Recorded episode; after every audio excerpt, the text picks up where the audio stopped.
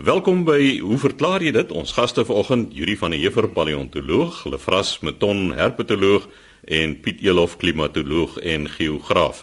Yuri, ons begin by jou en jy het 'n vraag ontvang oor afkop hoenders. Nou iemand wat al 'n hoender geslag het, sal weet dat as jy daai kop afkap, dan hardloop hy en gaan te kere of iets vreesliks.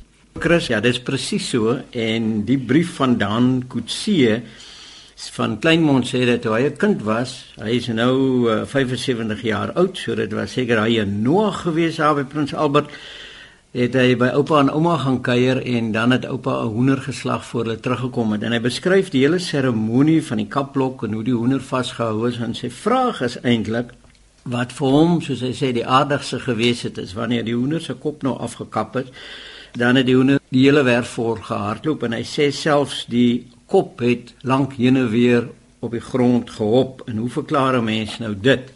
Die verklaring daarvoor dan is dat nie al ons bewegings selfs mense sin ook word beheer of ten volle beheer deur die brein nie. Baie van die lokomotoriese beweging, die spiersamentrekking, asemhaling, hartklop en die goed word deur senuweenetwerke in die rugmurg beheer sodat wanneer 'n hoender se kop afgekap is, dan is daai geprogrammeerde bewegings, loopbewegings, hardloopbewegings nog in die rugmurg en die rugmurg funksioneer nog vir 'n kort tydjie sodat die hoender dan nog kan rondhardloop. Die storie wat jy sê van die kop wat lank heen en weer gehop het, is vir my 'n bietjie problematies tensy daar spiersamentrekking gewees het wat die bek miskien oop en toe gemaak het wat uh, kon veroorsaak het dat die kop beweeg het alhoewel dit vir my 'n bietjie snaaks klink. Ek wil jou nie betug nie, maar dit was aan 75 jaar of 60 jaar gelede en ek dink nou aan myself wat goed op heel snaakse maniere onthou.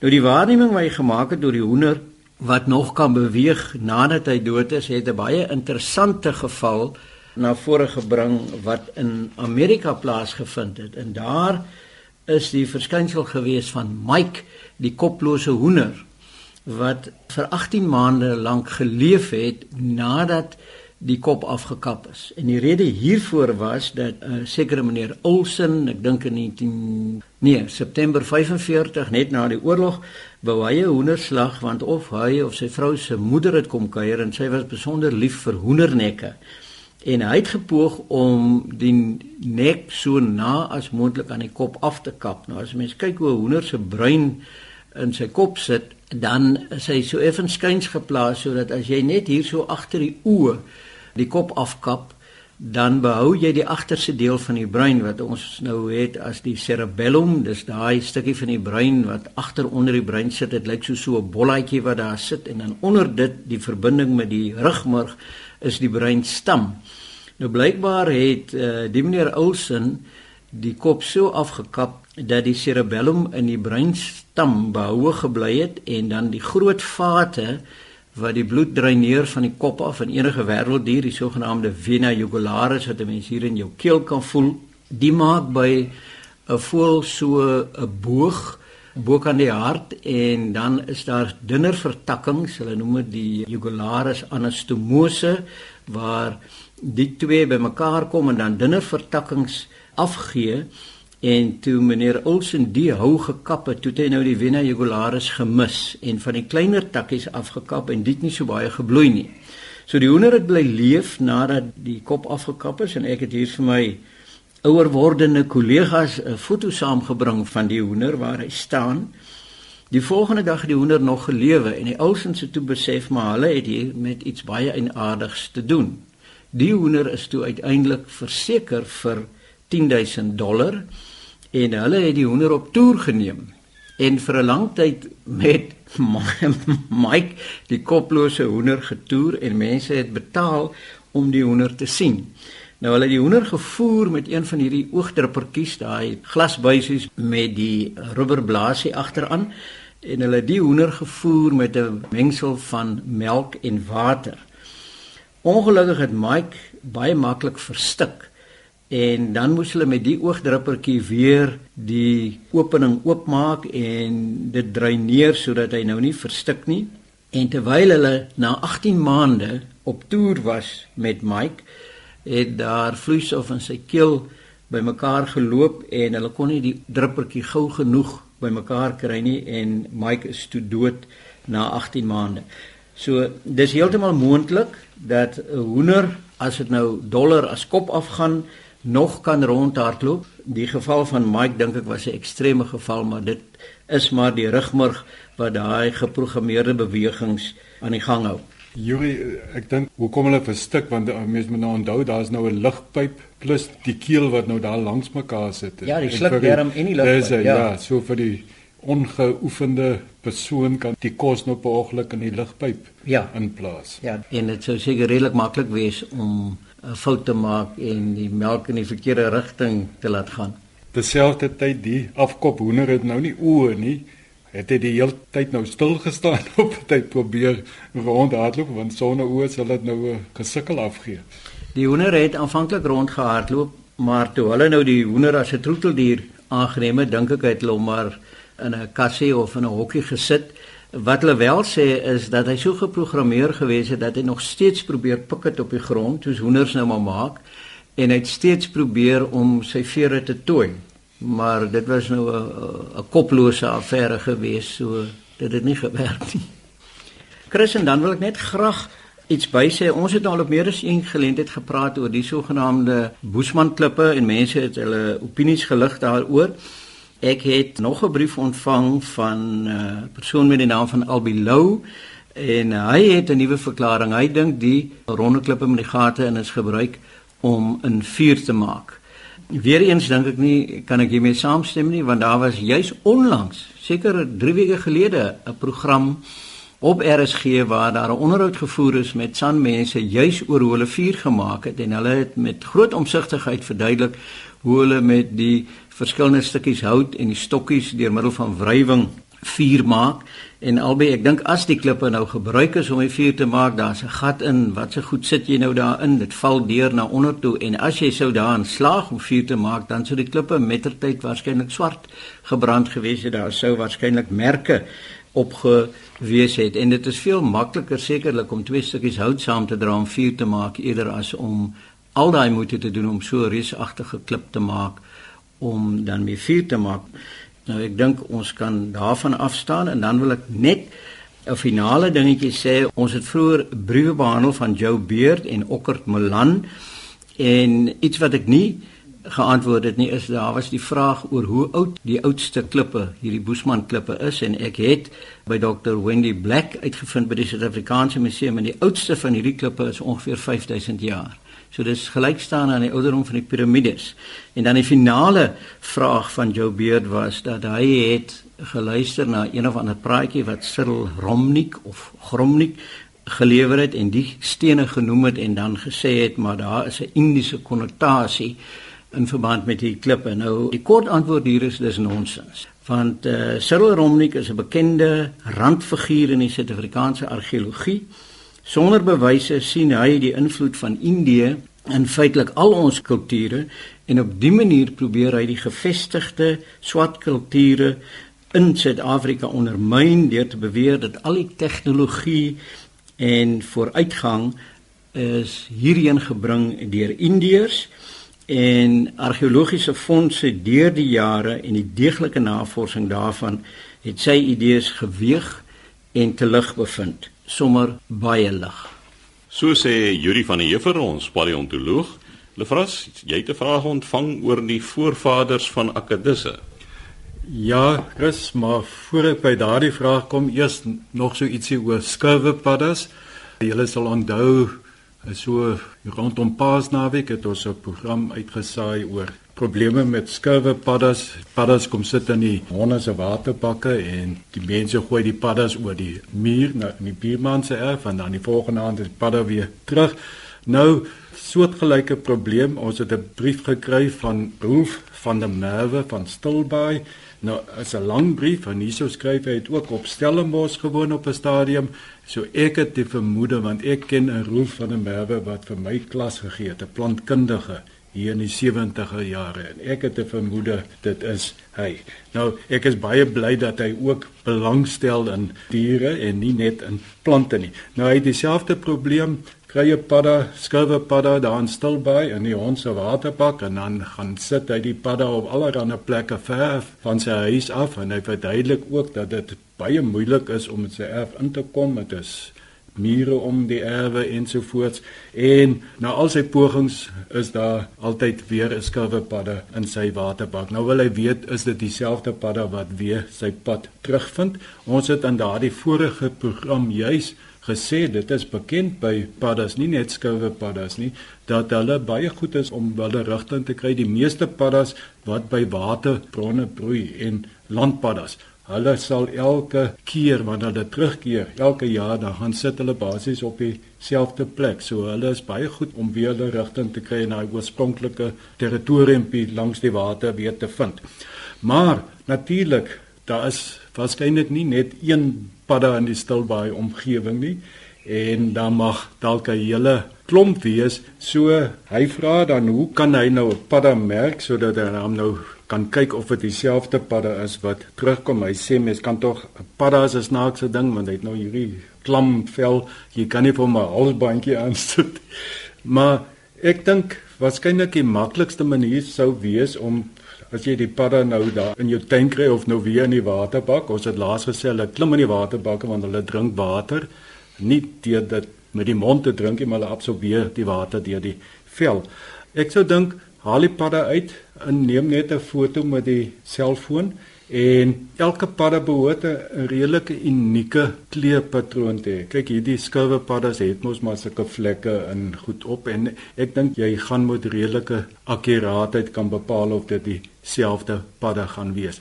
En ek sou voorstel as hy nou weer so 'n padda kry, moet hom nou nie te ver wegvat nie. Begin eers net so met 100 tree of 200 tree of gooi dan oor die muur in die buurman se tuin en kyk of hy terugkom. Ja, dit sal interessant wees om te sien hoe ver so 'n pad dan nou verplaas kan word voordat hy dan nou nie terugkom nie. Dan die volgende vraag het ons het 'n tydjie gelede ook baie oor slange gepraat en dan spesifiek oor akedisse wat dan nou ondergronds begin lewe en hulle ledemate verloor en dat slange dan nou ook so ontstaan gehad het. Nou het ons 'n brief van Kobus van Wyk gekry. Hy sê dan nou hier in die Suid-Kaap is die akedisse baie hardnekkig en hulle weier om in slange te verander. Kan jy asseblief vir die paneel vra wat die akedisse was voor hulle slange geword het? Seker nie dinosourusse nie. Nou ja, ek wil nou net sê dat akedisse is nie almal besig om slange te word nie. Slange is 'n naam wat ons reserveer of wat gebruik word vir 'n baie spesifieke geval, gebeurtenis lank in die verlede, sê net maar 140 miljoen jaar gelede. Daar rond het daar nou 'n groepie akedisse ondergronds begin bly of dalk ook in 'n wateromgewing begin bly en hulle ledemate verloor.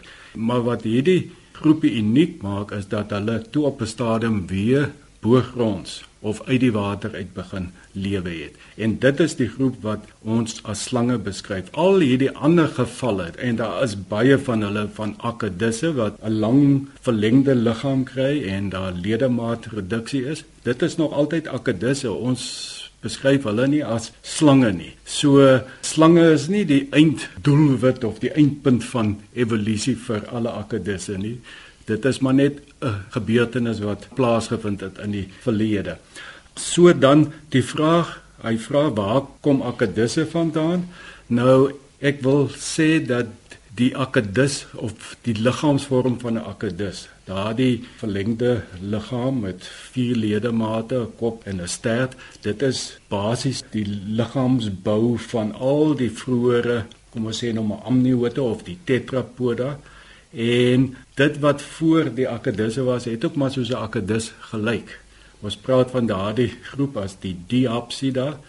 Dit is die groep wat dan nou aan akedisse en slange aan die een kant en aan die dinosourusse krokodille aan die ander kant oorsprong gegee het. Daardie voorvader het maar soos 'n akedus gelyk. Hy was akedusagtig. So wat 'n akedus is is maar eintlik net 'n benaming. Dit is is moeilik om nou te sê hier begin die akedus Yuri stem jy saam? Heeltemal hulle vra want uh, jy het jou vinger reg op die probleem gesit en ons sien dit met die ontstaan van soogdiere ook dat uh, dikwels is die kardinale die diagnostiese veranderings wat plaasvind is intern. Die dinosouriërs is tot 'n sekere mate maklik want hulle het baie eksterne eienskappe, maar die groep wat nou oorsprong gegee het aan akedisse en heeltemal aan die ander kant aan die soogdiere, ons bekende soogdieragtige reptiele van die Karoo, was in baie gevalle maar sulke vatvormige diere met 'n stert en vier pote, maar die interne veranderings wat plaasgevind het, die sintuie wat verander het, die gebit wat ontstaan het, hierdie komplekse gebit wat soogdiere het. Dit vind alles binne in die skedelpalasie. Die verandering in die onderkaak, soogdiere een been in die onderkaak, akedisse sewe bene in die onderkaak. Daai veranderings is alles intern, die verhemelte wat ontstaan, die vergroting van die brein en die ontwikkeling van die breinkapsel om hierdie soliede been kas te vorm om die brein te beskerm. So dit uitwendig is jy heeltemal reg. Dis diere met vier pote en 'n stert. maar ehm um, die werklike groot fisiologiese en morfologiese veranderings het binne in die liggaam plaasgevind. Ja, as mens dan nou seker sou kyk na die onmiddellike voorvader, dan moet mens kyk na die tuatara of Swinodon. Dit is eintlik die voorvader van die squamata wat nou die akedisse in in die slang is. En ek meen tuatara of Swinodon lyk maar soos 'n akedis. Hy lyk so 'n akedis vir duisend mense wys al ook dadelik sê dis 'n akedus. So ja. Kom ons volstaan dan maar daarby dat die akedusse, die moderne akedusse kom uit akedusagtige voorvaders uit. So sê Lefras Meton, ons herpetoloog, laas dan die woord Piet Elof, klimatoloog en geograaf. Piet, jy gesels oor aardverwarming en die ystydperk. Chris, na aanleiding van die tale wat ons praat, Partykeer het jy 'n padda in die keel, ander keer het jy padda in die keel. Iemand moet maar net verduidelik wat die verskil mag wees daar. Maar ek het 'n brief gekry hier van Natalie de Tooi in Somerset Wes waarin sy melding maak van ystydperke en van die aardoppervlak of seeoppervlak wat met 300 tot 400 voet gestyg het. Nou Natalie, ek het so 'n bietjie gaan nalees rondom hierdie goed en die ander vraag wat jy ook gehad het was waar die vog vandaan gekom wat verantwoordelik was vir al die sneeu in die ystydperk. En net lê ek moet jy sê ek, ek dink ek is reg as ek sê dat die aarde atmosfeerstelsel 'n redelik ek wil nie sê 'n totale geslote stelsel is nie, maar al die vog wat daar is is binne hierdie aarde atmosfeerstelsel. Met ander woorde, ons weet dat omtrent 71% van die aardoppervlak die word bedek met water. Met ander woorde, daar is genoeg vog om uiteindelik in die atmosfeer opgeneem te word, te kondenseer en uiteindelik as sneeu na die aarde toe terug te keer. Die ystydperke het natuurlik oor die hele wêreld heen voorgekom en uh dit is die afgelope 2 miljoen jaar. Jy weet, die oomblik as ons begin praat van 'n miljoen jaar, dan begin ek twyfel. Mense leeftyd 100 jaar. Begin jy praat van 1000 jaar? Praat jy van 10000 jaar? Praat jy van 100000 jaar? Nou na 'n miljoen jaar toe. Hoe lank is 'n miljoen jaar eintlik? As 'n mens nou diep daaroor gaan dink. Maar so 4 miljoen jaar was Groenland byvoorbeeld sonder sneeu gewees. Vandag is daar 'n baie klein persentasie van Groenland wat nie onder sneeu is nie, maar vir 4 miljoen jaar was Groenland het hy geen sneeu opgehad nie. Toe dinge verander en sneeu het gekom deur die winter, dit het voortgeduur deur die somer totdat daai sneeu plus minus 2 km dik gelê het op Groenland. Die gewig van daai sneeu het noodwendig die landoppervlak afgedruk. En dit is waar ek wil wonder die seevlak wat gestyg het. Is dit inderdaad die seevlak wat gestyg het of is dit die gewig van die sneeu wat daai landskap eintlik ondergedruk het. Nou ons het in Suid-Afrika ook sulke voorbeelde, ons kan 'n bietjie later daaroor gesels. Maar so het hierdie ystydperke natuurlik hulle eie rotsformasies gehad 2 biljoen jaar gelede. Ek praat nou nie van 'n miljoen jaar nie. Ek praat van 2 biljoen jaar gelede het hierdie sneeu ystydperke voorgekom intervalle van 140 miljoen jaar dit vir plus minus 50 miljoen jaar geduur. En binne die rotsformasies sien ons byvoorbeeld eienskappe van hierdie ystydperk. Julle wat nou meer in die fossiele belangstel en rondkrap, die kan dit sien binne daardie fossiele die tydperke en wat daar als voorgekom het. Nou die mees onlangse ystydperk eh, soos ek agterkom het is plus minus 120 000 jaar gelede. En dit het hierso plus minus 50 000 jaar gelede sy maksimum bereik. Dit was 'n tydperk toe daar temperature, uiterste temperature voorgekom het wat misoeste teweeggebring het tot in plus minus die 1960s waar dit weer 'n bietjie warmer geword het. Nou Suid-Afrika is ook onder sulke ysdekke bedek gewees vir 'n lang tyd. Ons het al gesels in vorige programme oor die landskapstipes wat ons rondom Maatjiesfontein sien. Die afsettings wat daar voorkom is alles afsettings wat teweeggebring is deur gletsers en die materiaal wat in daardie gletsers vervoer is. Daar is ook duidelike voorbeelde hierdie as ek dit nie mis het hier in die omgewing van Barkley Wes waar die ys geskuif het, die ysdekke geskuif het oor die rotse glad geskuur is en die harder gesteentes wat onder daardie ysdekke vasgevang was, die het sulke mote gemaak. Ons praat van striasies en juis deur daardie striasies te ondersoek kon die mense vasstel uit watter rigting hierdie ysdekke eintlik geskuif het kuswaar toe. Dit is natuurlik ook so en ek sal graag wil hê dat uh, Yuri miskien ook vir ons 'n bietjie kan lig werp op die feit dat aan ons suidkus nie noodwendig te doen gehad het met ysdekke nie, maar ons suidkus hier tussen kom ons sê Port Elizabeth en Mossel Bay en daai omgewings waar die riviere so diep ingekerf is. Ons praat daar ook van 'n kwessie van 'n heffing, heffingskuste enige luisteraar wat aan daai omgewing gery het en oor die van Stadensbrug gery het, van Stadensrivierbrug gery het, die sal weet hoe diep daai riviere ingekerf is. Daar was ook heffing van die landoppervlak, maar in hierdie geval vermoed ek dat dit te doen gehad het met uh, erosie, materiaal wat in die see gedeponeer is. Ons praat van isostasie. 'n uh, deel word swaarder, die ander deel word ligter en hy word dan opgehef en dan het jy daai diep inkerwing. Ja, dis interessant Piet as jy nou by Chapman Peak omry. Meeste mense kyk af na die mooi uitsig oor die see, maar as jy opkyk na die berg toe, dan sit daar spoelstene hoog bo kan die pad. En dit is presies wat jy nou sê dat dit lyk asof die land gehef is, maar dit kan wees dat die seevlak gedaal het. So al hierdie verskillende bewegings moet mense in ag neem. En as jy nou dink aan wat jy gesê het oor die ystydperk, dan uh, dink ons aan hoe Gondwana die suidelike kontinente gedryf het van 'n suidelike rigting in 'n noordelike rigting. So op 'n stadium was die suidpool in die middel van Afrika gewees en ons het as 'n kontinent deur die suidpool gedryf en eh, die gletsers wat jy van gepraat het veral daar by Maatjiesfontein en die plekke het juist te doen met die die posisie van Afrika op die kontinent.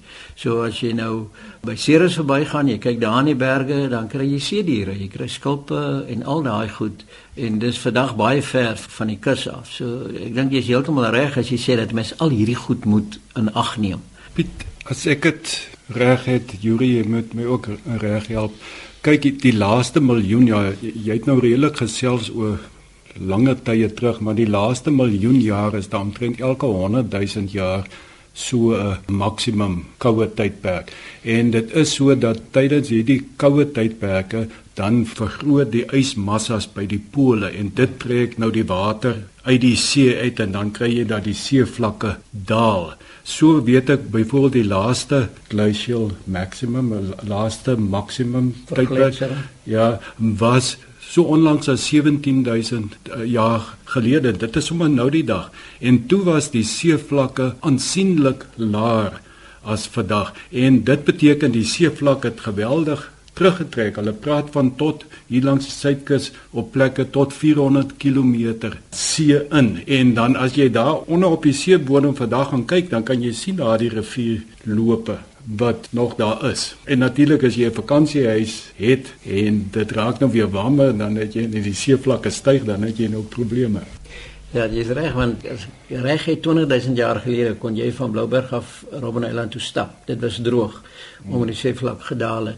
En dit is ook een van die redes wat aangevoer word vir die sogenaamde groot vloed wat in die ou nabye Midde-Ooste plaasgevind het toe die skans wat bestaan het tussen die Mediterrane See en wat toe eintlik nie die Swart See gewees het nie maar die Swart Meer uh, varswater omgewing. En toe die ys nou begin smelt het, het die seevlak in die Mediterrane See so gestyg dat dit daai borswering deurgebreek het en seewater het ingevloei en gevorm wat ons vandag ken as die Swart See. In die sinne mens soos jy nou self sê, in die diepste laag is daar varswaterskulpe en dan toe die seewater gekom het, nou kry jy seewaterskulpe wat waarskynlik 'n geweldige migrasie van mense in die ou nabye ooste laat gebeur het. Ja, Yuri, ek dink een van die goeie voorbeelde hiervan waar jy sê wat jy nou fossiele kry hier in Cereskou, Bokkeveld, Karlsdorp, fossiele oral in daai omgewing wat aandui dat daar was tye toe hierdie uh, omgewings onder seewater was. Nou as jy ry pad te Mosselbaai toe of Betinia verby dan is daar baie duidelike plat as 'n bietjie jou verbeelding gebruik maar 'n plat ek wil amper sê 'n brander terras wat daar lê tot teen aan die, die Swartberge wat ook aanduiding is dat die see op daai stadium daai omgewing totaal geplaneer het. Nee, met ander woorde, hierdie goed van plaas, maar om netly net om vir jou gerus te stel, die vog wat verantwoordelik is vir die ystydperke en goed, dit is alles binne die aarde atmosfeerstelsel. Sover ek kan vasstel, kom daar nie nuwe vog van buite af in nie. Alles wat hier is, dit is maar wat met verloop van tyd amper sê ek rondom talie speel. Die tyd het ons ongelukkig ingehaal. Dit was dan Piet Elof, ons klimatoloog en geograaf. U is welkom om te skryf aan Hoe verklaar jy dit? Posbus 2551 Kaapstad 8000 of 'n e-pos te stuur aan chris@rsg.co.za.